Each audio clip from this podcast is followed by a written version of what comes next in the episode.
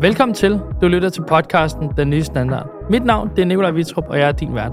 I dag har vi inviteret Louise Herbing, som er business angel og co-founder af Clio, til en samtale om ledelse og det at have lavet et succesfuldt exit.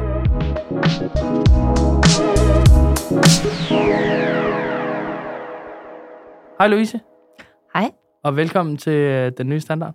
Tusind tak. Tak fordi du vil øh, lægge besøget forbi. Mm. Louise, når vi starter op her, så øh, er der jo rigtig mange, der kender dig fra tv og fra øh, dine optrædener, især på det sidste. Men jeg elsker at spørge vores gæster, hvad de selv kender til, altså hvad de selv synes, at der kendetegner dem. Så hvis med dine egne ord, du skal prøve at beskrive, hvem er Louise Herming, hvordan vil du så gøre det? Mm, tidligere iværksætter var med til at digitalisere folkeskolen i årene 2008, ah, 7 til 18. Øhm, og så sidenhen er jeg privat investor. Og hvis man så skal... Nu er det jo nok svært at tage medarbejdere, for jeg vil nok hellere tage det, så lad os sige, dem du investerer hos, mm. Hvordan tror du, de vil beskrive dig?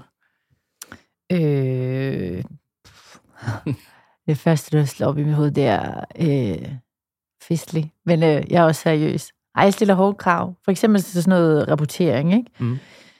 Det er mange af de her meget tidlige startups har faktisk ikke lagt budgetter for både omkostninger, men også forventet indtjening. Sådan så man ligesom ved, øh, er man on target, er man foran. Øh, for mig personligt motiverer det mig, hvis man er lidt bagud, så kæmper man lidt mm. ekstra for at nå target. Og hvis man er over target, så er det sådan ekstra fuel til at give den endnu mere gas. Så er det champagne-tid. Ja, men jeg synes, det der, jamen jeg er meget resultatorienteret, så, så sådan nogle ting, ja. Fantastisk. Skal vi ikke prøve at hoppe tilbage til... Jeg har godt nok skrevet, skrevet øh, 2006, at du startede i Cleo. Jamen, det var det også, men det tog lige et, et halvt år at udvikle øh, produktet. Så vi kom i markedet i april 2007 Fedt. med øh, en historieportal til fadhistorie i grundskolen. Skal vi ikke prøve lige at hoppe en uh, tur tilbage, for du var en af de første i det, vi kalder educational tech, Mm. øh, som startede i Danmark. Hvordan fandt I inspiration til at starte Clio?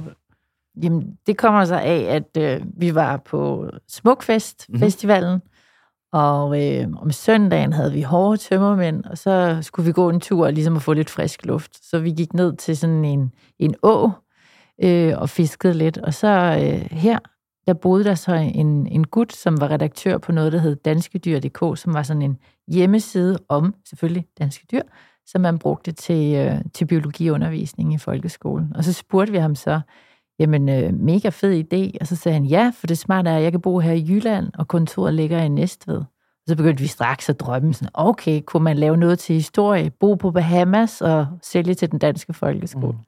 Og det er jo det fede med internettet, du kan jo være en digital nomade, Mm. men øh, ja, vi blev så i Danmark.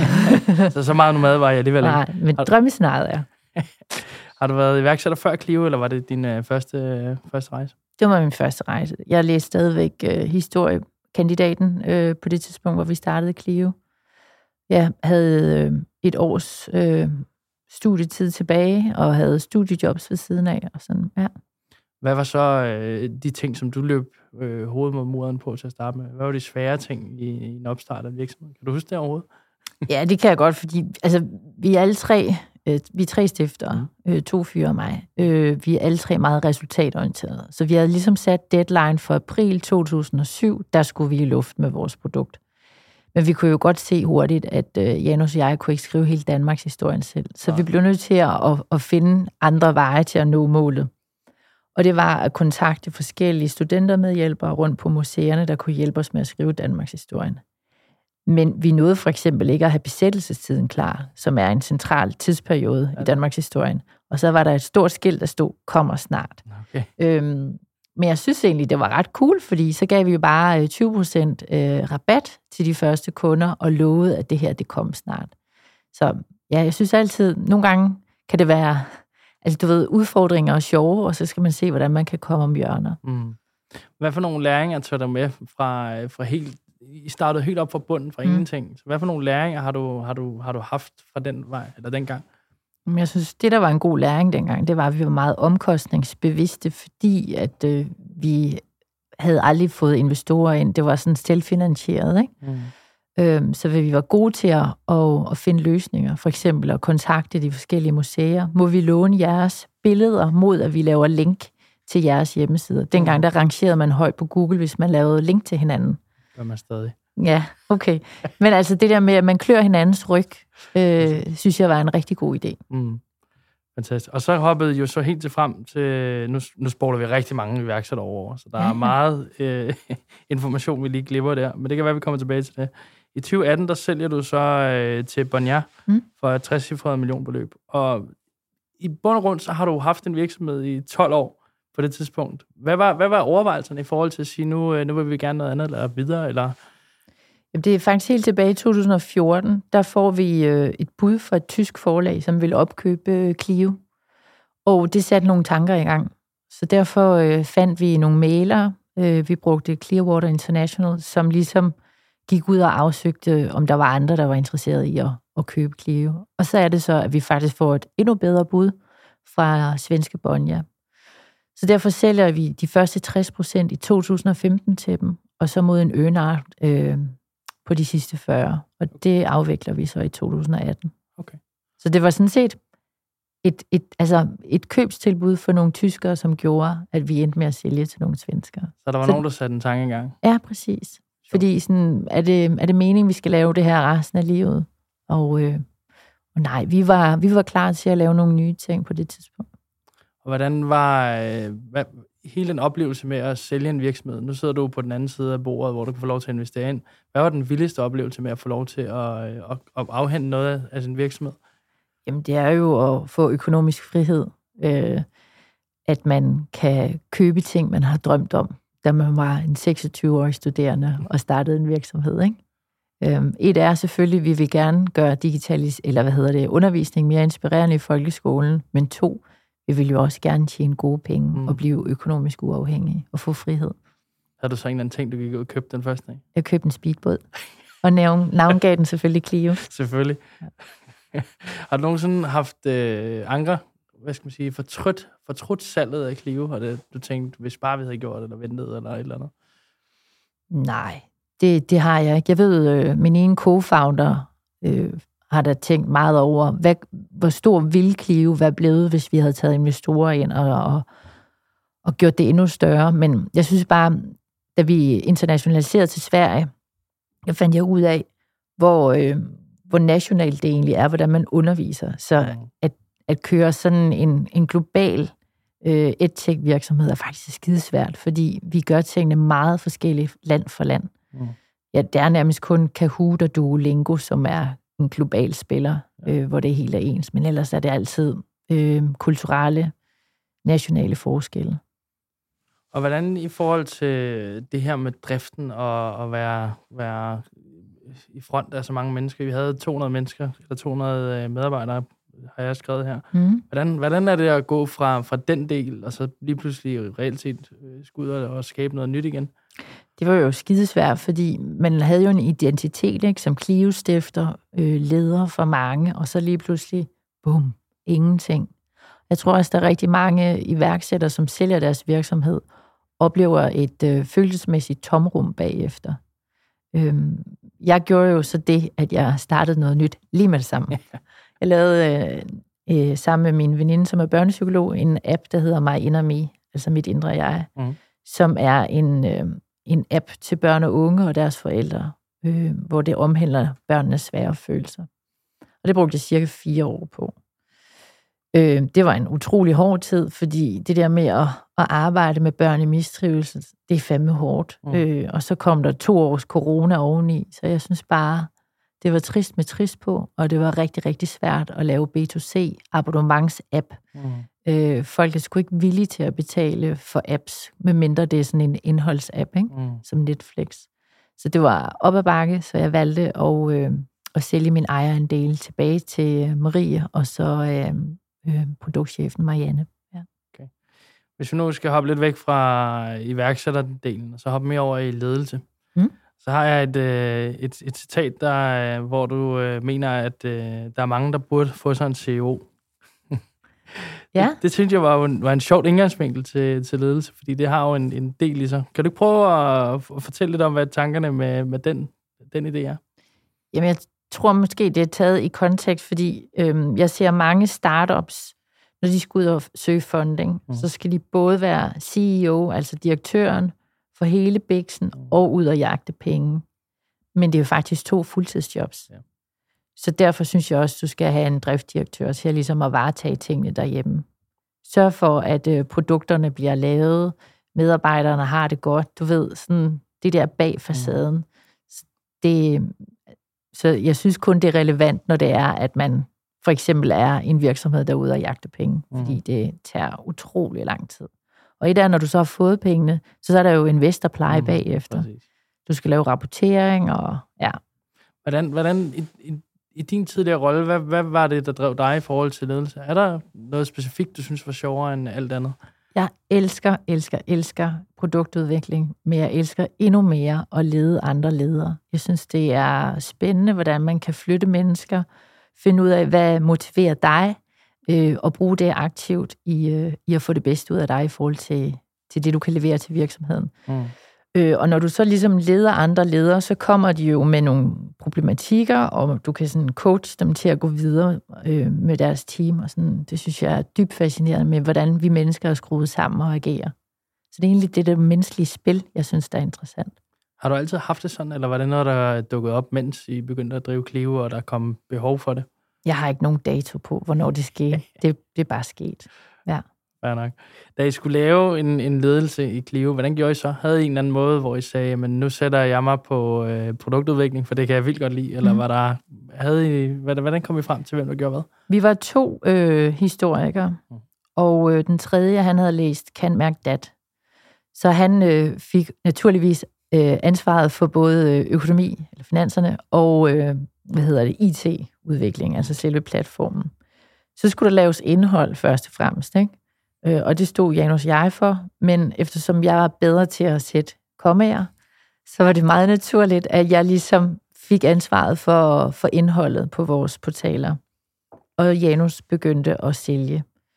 Øhm, og det var, det var meget fint, at det ligesom blev over tid uddelegeret til os hver, sådan så at, øh, at vi gik og trådte hinanden over tæerne, og tingene gik ligesom hurtigere, når vi sådan, jeg ved, du har bolden, øh, mm. og så passer jeg min butik, og så løber vi hurtigere sammen. Så det var sådan helt tilfældigt. Men øh, jeg har jo ikke for fint til at påminde over for Janus, at de første salg foretog jeg. Så du var faktisk også selv? Ja, selvfølgelig. Det er godt, det er godt at huske, øh, hvor man starter. Ja, men jeg er ikke så udadvendt, som øh, Janus er. Mm det, det falder ham utrolig naturligt også øh, at forhandle og diskutere og sådan noget. Og han har altid lavet de meste forkromede lønningssystemer til, øh, til sælgerne. Altså, han synes sådan noget er skideskægt. Øh, det siger mig ingenting. Okay. Øhm, var det her med at være en leder, har det, været, har det været noget, som var en drivkraft for dig, altså at komme til det, eller var det en del af rejsen, som man skulle tage på sig? ja, det er en to ting. Det er en del af rejsen, men også min persontype. Jeg kan også godt lide at bestemme. Så det falder mig meget naturligt. Er en uh, god, god egenskab at vide, at man, uh, man er der. Ja. Øh, og hvordan, hvordan vil du beskrive dig selv som, som leder? Så? Er, det, er, det, er det meget, øh, hvis du er meget produktudviklende, er det så meget, du, du har meget styr på fakta, eller hvordan vil du beskrive dig selv som leder? 100 procent. Øhm, jeg synes, det kan være svært at hjælpe med go-to-market-strategier og sådan noget, fordi det ved jeg ikke super meget om. Men om, øh, om, om brugergrænsefladen skal være sådan eller sådan, eller produktet skal føles sådan og sådan, det, det ligger mig meget naturligt. Øhm, ja. Og hvordan i, i hele, hele det her ledelseslag, havde I nogensinde... Øh, hvad skal man sige, hvor I trådte hinanden over tæerne, fordi I trods alt havde nogle roller, der mindede en lille bit smule om hinanden, før I kom ind? Eller har I formået at forventningsafstemme og sige, men du er på salg, og så er jeg på, øh, på content, og på en eller anden måde, så mødes vi en gang om måneden, og så afstemmer forventning, eller hvordan, hvordan satte, I, satte I det hold op? Øhm, vi talte meget om det i plenum. Vi havde shared management, altså vi havde ikke en direktør blandt os tre, og det var simpelthen ingen af de to andre gad at give den tredje magten. Øh, okay. Så det var, altså vi delte simpelthen direktørstolen. Men øh, jeg synes også, det gjorde, at vi fik ligesom diskuteret nogle ting. Altså, okay, hvad har det effekt på teknologien, at øh, salg og marketing har de her ønsker, og i forhold til jamen, indholdssiden. Øh, ja, jeg synes, vi fik en masse gode dialoger. Og faren, altså det er jo, faren er jo, at man kommer ingen vegne, fordi man sådan skal have det der konsensus hele tiden. Men eftersom vi alle tre er ekstremt hurtige til at træffe beslutninger, så var det ikke noget problem. Mm. Skal vi hoppe tilbage til øh, drivkræfter og, og, og hele din, din start igen, tror jeg gerne, jeg vil. Mm. Øhm, du har tidligere udtalt, at øh, en hård opvækst og lysten til at komme ud af din sociale arv har været en kæmpe drivkraft for dig. Ja. Var det også ud af kontekst, eller var det okay citeret? Ja, det er korrekt citeret. Jamen, det lå ikke i kortene, at, øh, at jeg skulle nå langt. Altså, jeg er opvokset i 80'erne. Det var ikke altid, at mine forældre havde øh, et arbejde. Øh, og de er heller ikke, øh, har heller ikke lange uddannelser. Det er der sgu ikke mange, der har i Vestjylland, hvor jeg kommer fra. Øhm, men på, på den folkeskole, hvor jeg gik, så var det næste trin, det var meget naturligt at komme på Grænsted Gymnasium. Så jeg var sådan lidt mere en lemming, der fulgte flokken og endte på gymnasiet. Og, og citeret for, altså jeg gik i verdens bedste gymnasieklasse. Øh, der er sgu mange af os, der nåede rigtig, rigtig langt. Øh, og sidder i nogle spændende stillinger i dag. Men, men det, der var rart, det var, at der var respekt omkring hinanden, og det var, det var sgu et godt sted at være. Så, og, og nogle af de klassekammerater var akademikere børn. Og det var der, jeg ligesom blev introduceret. Okay, måske skulle jeg tage en, en længerevarende uddannelse. Øh, og der valgte jeg så at læse videre på historie. Og hvordan, øh, hvad har det betydet for dig, det her med at være, hvad skal man sige, blive hurtigt voksen? Fordi en hård opvækst, det er jo tit den her med et, et hurtigt skifte fra barn til voksen, og ikke den der lange øh, fase, man kan bruge på mange, mange år på at blive voksen. Jeg tænker, at du har skulle lave en rimelig hurtig omskiftelighed. 100 procent. Men der er også altid stillet krav til mig, øh, især for min mor, at jeg skal kunne klare mig selv. Hun har for eksempel lært mig at lære min selvangivelse. Okay. Øhm, og så sagde, jeg viser den kun én gang, og så skal du gøre det selv fremadrettet. Og det, det var godt. meget godt, hun havde vist mig det, fordi øh, nogle måneder senere, der døde hun så en hjerneblødning. Ikke? Øhm, også da jeg skulle have kørekort, så øh, satte hun en opsparingskonto op til mig og sagde, du skal sætte så så mange penge til side hver måned af din øh, surt optjente, hvad hedder det, studenter, eller hvad hedder det, øh, hvad hedder sådan, øh, jeg havde et studiejob, ikke? Øhm, og formåede også at spare op til mit eget, min eget kørekort. Jeg var meget motiveret til at, at bestå første gang, både teori og praksis, fordi der var sgu ikke råd til at, at, at floppe mange. Ja, præcis. Øhm, så det er sådan noget, jeg har lært øh, at tage ansvar for mig selv.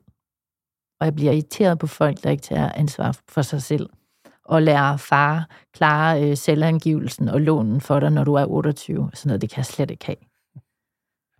Men det skifter tit, det der system. Det kan godt være lidt, lidt ah, komplekst. Så Google, for fanden. Ja. det er rigtigt. Men nu er der også kommet apps til det, så ja. det... det ja, Skatteguiden. Var det ikke det, Jesper han øh, investerede i? Lige præcis. Hvordan, øh, i forhold til den her drivkraft med at være at komme, hvorfra du kommer, har du altid haft en eller anden drive for at skulle langt i livet, eller er det igen lidt af en omstændighed af, at du kom ind i et godt startup, og så skulle I tjene penge? Eller var det igen planen fra, at du var helt ung, at der skulle være mange penge? Nej, jeg har aldrig lagt lange planer. Altså, det er mentalt er måske øh, et halvt år ude i fremtiden, og det handler mere om, hvor vil jeg gerne på næste efterårsferie. Øh, sådan nogle ting. Jeg har ingen plan for om fem år. Øh, og jeg havde ingen karriereplan. Jeg sådan går meget efter, hvor tingene nu fører mig. Øh, jeg har ikke nogen forkromet plan, som, som jeg hører mange andre har. Jeg griber dagen og, og prøver at få det bedste ud af det. Og det går jo meget godt. Det gør det, absolut. Jeg banker lige under bordet og håber, det bliver ved med sådan. Ja. Så længe der er smil på, på læberne, så kan man da sige, så er du da i hvert fald kommet så langt. Præcis. I forhold til din opvækst, har det gjort noget i forhold til dit enorme behov, som jeg oplever det udefra, at det her med at hjælpe andre iværksættere, unge iværksættere, altså give tilbage? Ja, 100 procent. Jeg synes, øh, øh, vi som samfund har et ansvar for at passe på vores børn og unge, indtil de fylder 18. Sørg for, at de har en god skolegang. Sørg for, at øh, de bliver beskyttet af store tech-giganter. Øh, sørg for, at de har god mental trivsel. Men i det øjeblik, de bliver voksne, så skal vi have lært dem så tilpas meget, at de kan stå på egne ben. Mm. Så 100 procent, jeg øh, bruger mange af mine kræfter på, på unge mennesker, sådan så de øh, kan klare sig selv senere i livet. Hvornår er man voksen i din verden? 18-21. når frontallapperne er færdigudviklet. Jeg kan huske min far, da jeg blev 18. Der kan jeg huske, at den dag, jeg blev 18, der sagde han, der blev voksen. Så jeg vågnede op på min 18-års fødselsdag, så spurgte jeg ham, er det så i dag, jeg er blevet voksen? og så sagde han, yes, nu er du voksen. jeg følte mig altså ikke mere voksen, end jeg gjorde dagen før. Eller Nej. barn eller ung. hvad Det vil man være. I forhold til, øh, lad os bruge helt frem til i dag. Mm. Fordi i dag, der øh, er du det, man kalder moderne en business angel. Mm. Hvordan har du det med at være det? Jeg synes, det er mega sjovt. Altså, jeg synes virkelig, det er skægt at arbejde med, øh, med startups. Øhm, ja, man får berøring med mange forskellige mennesker, mange forskellige kundegrupper, mange forskellige produkter. Sådan noget synes jeg er rigtig, rigtig sjovt. Og så synes jeg, det er fedt det der med, at lad os sige, noget i virksomhed A lykkes i forhold til deres marketing. Kan man bruge det over i virksomhed B, C og D? Ikke? Sådan du det der allokere viden rundt, synes jeg, sådan noget kan jeg godt lide. Og som jeg har set det lige i din portefølje, så virker det som om, du mest er på tech-virksomheder og B2B-virksomheder. Er det Ja. bare ikke forstået? Ja. Er der en grund til, at du synes, det er, det er mere dig? Eller måske er det... Det er tilfældigt. Altså, du ved, man bygger på det, man ved noget omkring. Ja. Øhm, ja. Og hvordan, øh, når du går ind som business angel i dag, går du så ind med meget viden også, og meget hands-on? Nu snakkede vi lige lidt før mikrofonen gik på, og du har jo gjort relativt få investeringer i Løvens Hule. Er, er det vigtigt for dig, det her kunne være med hænderne i bolddejen stadig, og mærke, hvad der sker? Jeg tror, det er dels det, altså hvad har jeg båndbredde til sådan tidsmæssigt, men også økonomisk, ikke? Øhm, sådan så jeg ikke brænder alle mine penge af på, på startups, fordi altså, det er sgu ikke en god forretning. Ikke endnu i hvert fald. øhm, Det skal også være til speedbåden. Ja, præcis. Øhm, og rejserne. øhm, ja, men, men jeg synes, sådan noget er sjovt. Hvad for nogle evner har du taget med dig ind som, øh, som investor?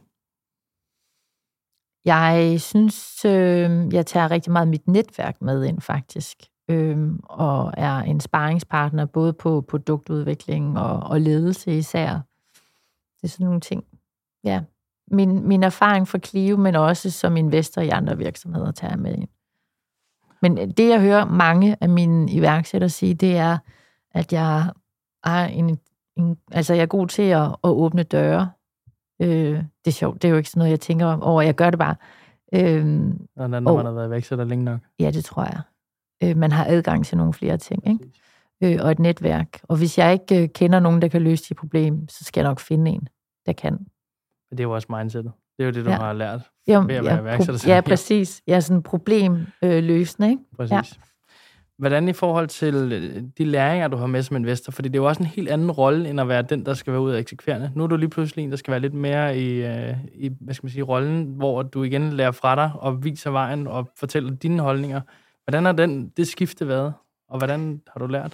Jeg synes, øh, nogle gange har jeg jo oplevet, at når jeg øh, er ude øh, og for eksempel være med på lyt, når en iværksætter skal præsentere sit produkt over for kunden, Mm. øh, så har jeg jo gjort mig nogle erfaringer, hvor jeg siger, prøv at undgå sådan og sådan og sådan. Øh, og så hører de måske ikke efter, men så begår de fejlen. Så det er lidt ligesom barnet og kogepladen, ikke? Mm. Nogle gange skal du lade dem brænde, brænde sig selv, og stå klar til at redde dem. Og så andre gange skal du prøve at forklare dem. Nu skal du virkelig, virkelig høre efter nu, og ikke begå min fejl en gang til. Klart. Hvordan har øh, betydningen for dig været med Løvens Hule og komme ind i der? Har det været en, en stor forandring for dig i forhold til, hvordan det var, lad os bare sige, dagen inden du kom ind første gang? Jamen, Eller måske 100 dagen før det bliver offentliggjort? Jamen, 100 procent. Øhm, der er flere, der trækker i mig på godt og på ondt nu. Ja. Og jeg får, altså, der er jo nogle døre, der åbner sig øh, endnu mere end før. Øhm, Og hvad med sådan din oplevelse af verden i forhold til, nu har du set så mange pitch på så kort tid. Mm. Mm. Har, du, har du lært en masse at være med i det også, i forhold til at se, hvordan de gør? Og, Om det har jeg jo... Jeg var jo investor længe før Løvens Hule. Øhm, og som min PA siger, altså mit dealflow var jo meget mere kvalificeret, og, og altså der var mange gode cases imellem, hvorimod nu efter jeg er eksponeret i Løvens Hule, så er det noget lort, der kommer ind. Altså der er rigtig meget af, jeg har en idé. Øh, og så er det som om, at øh, de gode cases nærmest udbliver nu. mm. Og det er lidt ærgerligt, at ja, jeg har faktisk fået et ringere dealflow af at komme i løvens hul. Jeg har, jeg har gået og tænkt længe over en ting, som, som har været i forhold til, og det ved jeg, det er du mest kvalificeret for at svare på, i forhold til værdisætninger, ikke? Mm. Er vi mere rigtige værdisætninger nu, hvor det begynder at lugte af krise, end det var for bare et år siden? Ja, jeg har i hvert fald lavet nogle øh, fejlinvesteringer i, hvor valuation var for højt. Øh, og man, altså det var sådan, du ved, når der er for mange penge i markedet, så bliver det jo, hvis du være med på, på din idé, så der, må man klappe til. Mm. Øh, og man ved godt, hvis jeg prøver at, at forhandle prisen længere ned, så er der bare en anden idiot, der er villig mm. til at betale. Ikke? Øh, så det er jo noget med udbud og efterspørgsel. Men jeg synes, det er mere realistisk nu. Øh, ja. Og så jeg synes også, at jeg ser et skift i, at mange øh, iværksættere har forstået, at, at der skulle værdi i at prøve at være profitabel. Prøve at øh, skabe omsætning, øh, i stedet for det er sådan en forretningsmodel, hvor man forventer, at øh, man, man bliver opkøbt, så skide hul i, om der er omsætning nu. Ikke? Det er jo sådan den der Ja. gamle model. Ja, Og, og hvad med bundlinjen? Det begynder vel også at betyde noget i, 100 procent. i den her tid. Men nu øh, så jeg, at I havde gazeller stående herude. Det synes jeg jo personligt er et meget federe øh, varemærker at have at være gazelle frem for at være en unicorn. Når du er en unicorn, så er du bare pissegod til at sælge en vision mm. over for nogle idioter, der lægger nogle penge. Ikke? Mm. Hvorimod gazeller, det er reel omsætning. Det er nogle kunder, der er villige til at betale for din service Mm. eller dit produkt. Det er mine øjne tusind gange sejre. Jeg synes også, jeg synes, den øh, opfattelse, jeg får af at komme til de gazeller, jeg var til sidste gazellearrangement, jeg synes, der er nogle ekstrem øh, sjove mennesker, på en anden måde iværksættere, end, øh, fordi dem, som ofte har gazeller, er færdige med at se sig selv som iværksættere. Det er ligesom et næste niveau til at sige, at vi, skal, vi driver virksomhed nu. Mm. Så du ved, det, det er et ret sjovt skifte, det der med, at de vil sgu hellere tjene penge. Om du skal også tænke på, øh, den første gazelle, det er jo baseret på øh, fire års seneste Præcis. regnskaber, så du skal jo være nogle, have nogle år på banen. Ikke? Præcis. Men, Ja. ja. men det der med, at hvad er det, kunden vil have? Mm. Altså at være mere kundefixeret, det synes jeg, det er sundt. Helt sikkert. Jeg er meget, meget enig. I forhold til øh, at være et offentligt ansigt, så har du også fået, øh, fået noget, noget tunet den op engang. Hvordan Ja. har du det med at være øh, kendt nu, er du vel? Jeg synes ikke, det er så slemt, faktisk. Altså, og nu var vi på værtshus her i, i lørdags. Bliver du så Øh, pitchet? Nej, nej, nej, man sidder der og, og rafler med nogen, og sådan, hej, Louise. Du, øh, og der går lang tid inden, at de sådan ligesom afslører, at de udmærket godt ved, hvem jeg er. Men du ved, at ja, jeg ved ikke, om jeg lukker øjnene og bare lader som om, men øh, jeg lever mit liv fuldstændig normalt. Jeg har ikke lavet noget som helst om. Fantastisk. Men jeg tror også, at i Danmark er vi gode til kendte mennesker på en eller anden måde. Jeg tror, hvis du nu havde været i, i Shark Tale, Ja, eller Shark Tank over i øh, USA, så tror jeg, du havde været... øh, skalaen er også lidt større, ikke? jo, præcis. Det er det.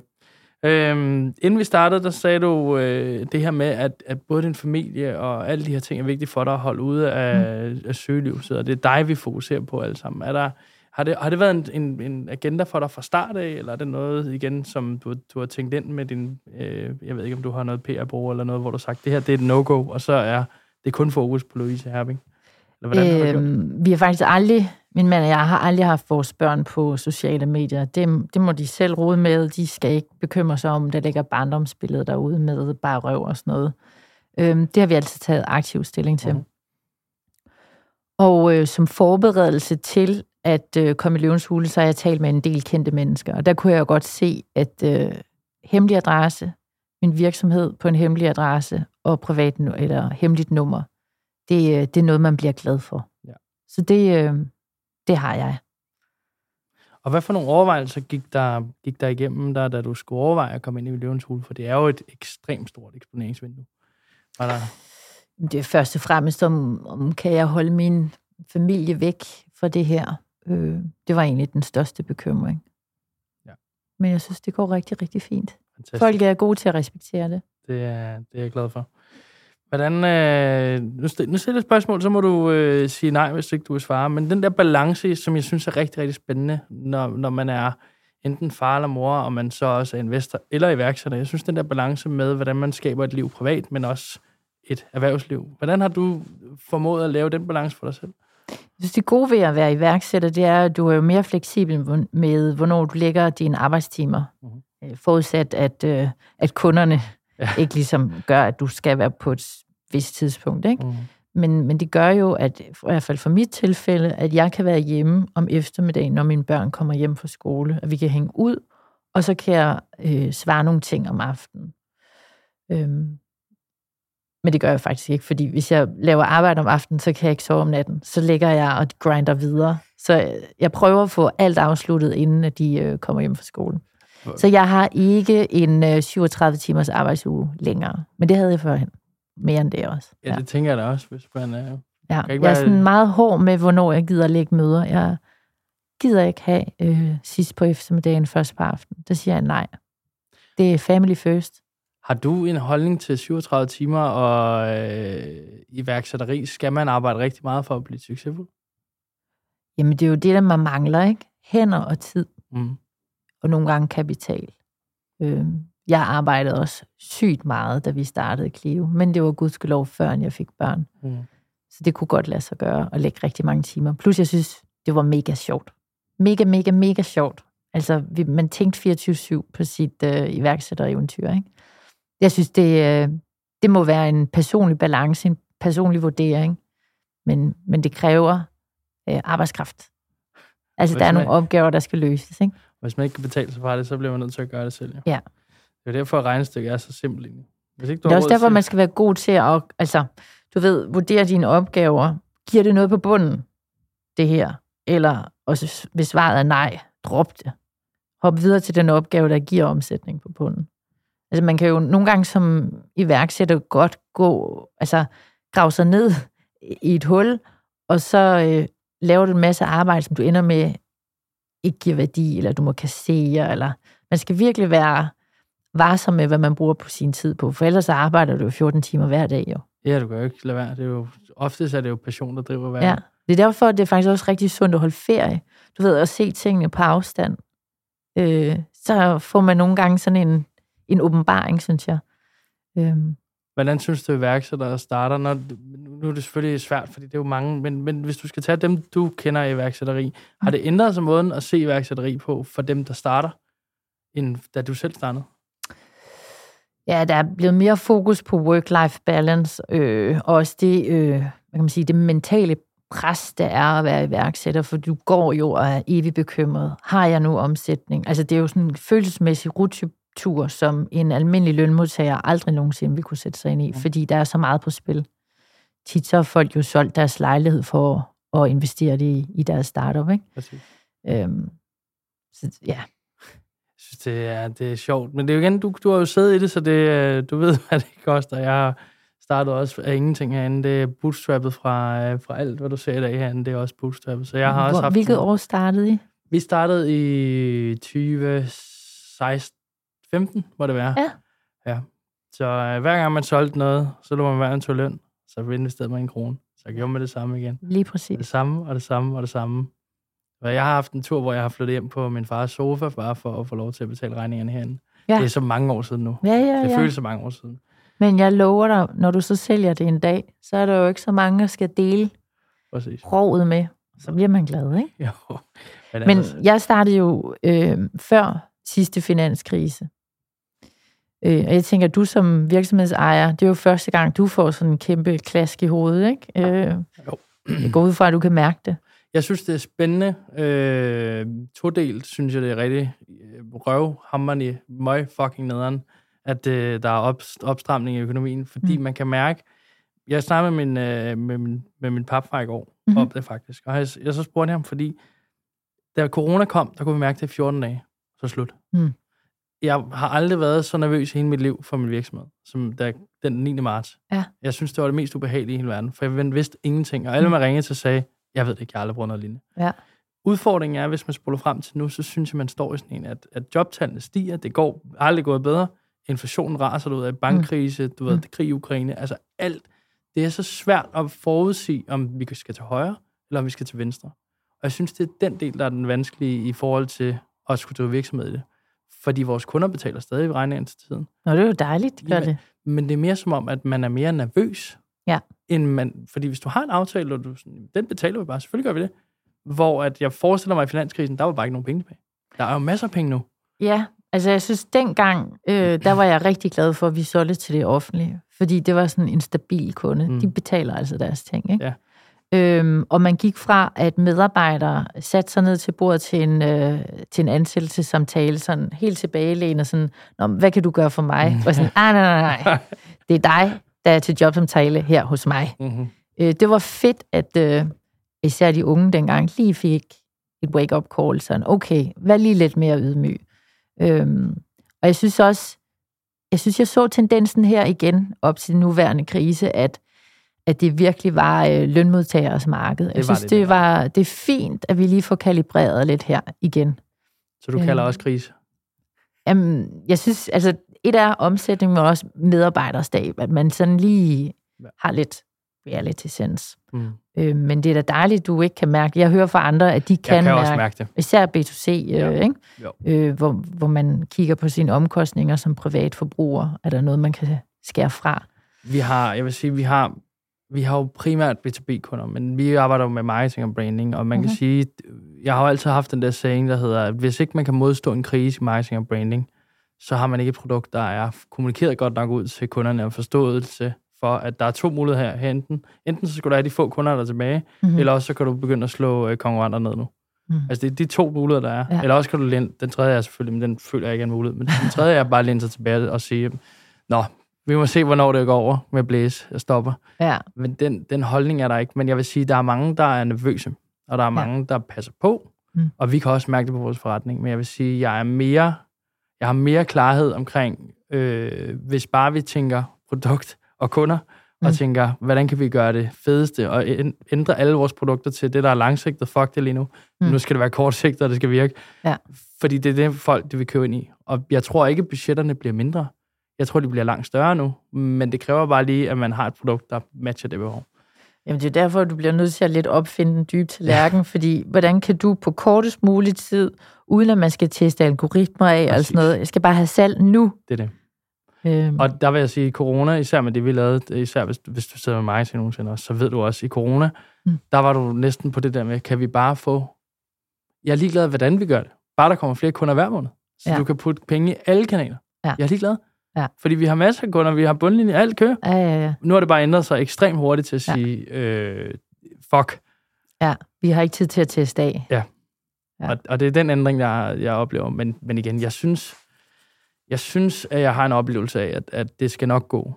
Men vi kigger jo også ind i at sige, så sætter vi os i vores ledelsesteam, og så siger vi, det, det er øh, rigtig lort der. Hvad kan vi Mm. gøre? Mm. Og så i stedet for at ligge sig over i hjørnet og sige øv, så, øh, så er det jo bare i gang igen. Men Ja. altså, det lærer man jo som selvstændig. Man får et slag i hovedet, så tænker man, nå ja, Op igen. sådan er det. Ja.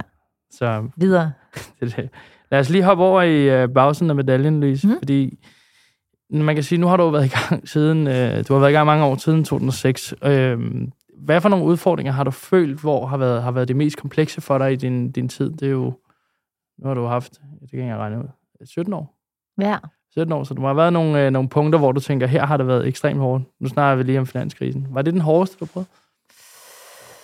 Øhm, jeg synes, øhm, det var sådan, i 2012, så øh, blev der afsat en halv milliard til indkøb af digitale læremidler i folkeskolen, fordi man ville øh, digitalisere øh, folkeskolen. Det passer ikke. De 300 millioner var afsat til køb af digitale læremidler. Det vil sige, at når en skole købte Clios portal, så fik de 50 procent i refusion. Mm. Indtil 2012, der har vi siddet helt alene på det her digitale Mm. marked. Gyldendal og linjer fra Egmont, de tjener rigtig gode penge på at sælge gamle støvede bøger. Men det betød jo, at de også kunne se sig ind i et, i det digitale marked Mm. og begyndte at kopiere Clio. Og, øh, og vi gik ned i banken og prøvede at låne penge til at lave øh, produkter til naturfagene, og vi fik et klart fedt nej, fordi det har jo ligesom været finanskrise. Præcis. Øhm, så derfor skulle, øh, så lånte vi nogle penge privat øh, mod en høj rente. Øh, men vi vidste, at alt var på spil her. Ikke? Så derfor øh, skulle der løbe stærkt, øh, og vi pressede vores medarbejdere til det yderste her for at nå i mål, inden at de store konkurrenter, Storborg kom og slog os og tog markedet fra os. Det synes jeg var nogle ekstremt hårde år, fordi der var rigtig meget på spil. Men vi lykkedes, og vi kom i markedet først. Og det er derfor, vi sidder her i dag. Ja, Er der noget, noget, hvor du kigger tilbage, hvor dit karriereliv har kostet dig noget personligt, hvor du tænker, ah, det kunne jeg godt have været foruden? Altså, er der, er der noget, hvor det ville du have gjort anderledes, hvis du skulle vælge om? Og tænke, puh, Mm, nej. jeg kunne være lønmodtager. Nej, aldrig. Aldrig, aldrig, aldrig.